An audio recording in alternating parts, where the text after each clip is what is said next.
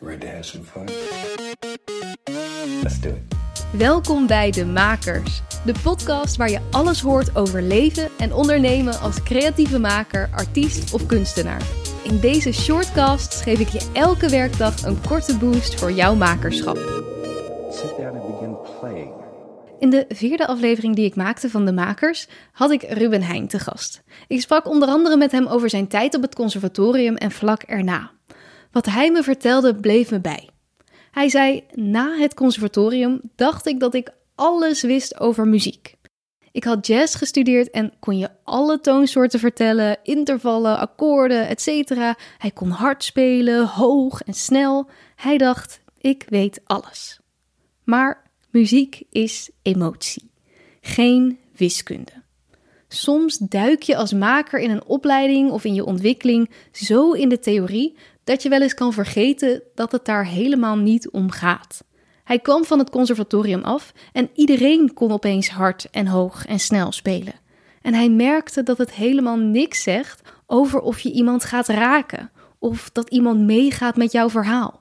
Dus vergeet niet om ook dat te ontwikkelen. Ontwikkel jouw eigenheid en identiteit als maker. Het gaat er niet om dat je ingewikkelde akkoorden kunt spelen of dat je de meest natuurgetrouwe tekening kunt maken. Het gaat erom dat het van jou is.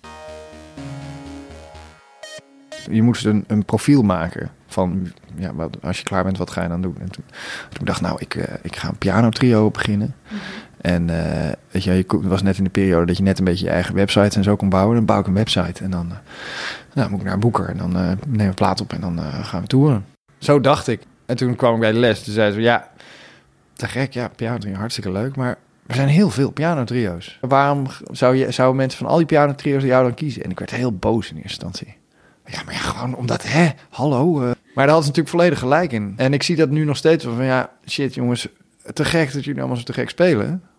Maar het, het gaat er niet om hoeveel noten je kan spelen of dat je ingewikkelde akkoorden speelt. Maar het gaat erom dat als je dat doet, dat het van jou is. Weet je wel, dat het ergens vandaan komt. En je kan wel honderdduizend uur in een, in een fucking hokje gaan zitten, maar als je niet weet wie je bent, ja, dan wordt het heel ingewikkeld. Ik was laatst op Down the Rabbit Hole bij een concert van Hugh Beving en vroeg me af wat dat bij hem precies was. Hij is pianist en speelt op een manier die me altijd raakt. Ik zocht wat meer informatie op op zijn website en hij beschrijft daar eenzelfde soort ontwikkeling als Ruben. Waar hij eerst altijd bezig was met zoveel mogelijk noten spelen, ging hij later op zoek naar hoe hij wilde klinken. Alles veranderde toen hij een oude piano ierf van zijn oma. Door de gevoeligheid van het instrument moest hij op een totaal andere manier spelen en werd zijn specifieke stijl geboren. Dit klinkt misschien te simpel. En uiteraard werd er zowel bij Joep als bij Ruben hierna nog een compleet proces in gang gezet van ontdekken wie je bent als muzikant. Maar ik vond het wel een herkenbaar patroon, wat volgens mij vaker bij makers voorbij komt. Ook kost het natuurlijk tijd om dit uit te zoeken. Een opleiding is natuurlijk ook dé plek om je technisch te ontwikkelen, waar mensen je daarmee kunnen helpen. Maar vergeet niet die andere kant. Het waarom jij wilt maken, het wat jou uniek maakt, ontwikkel dat ook.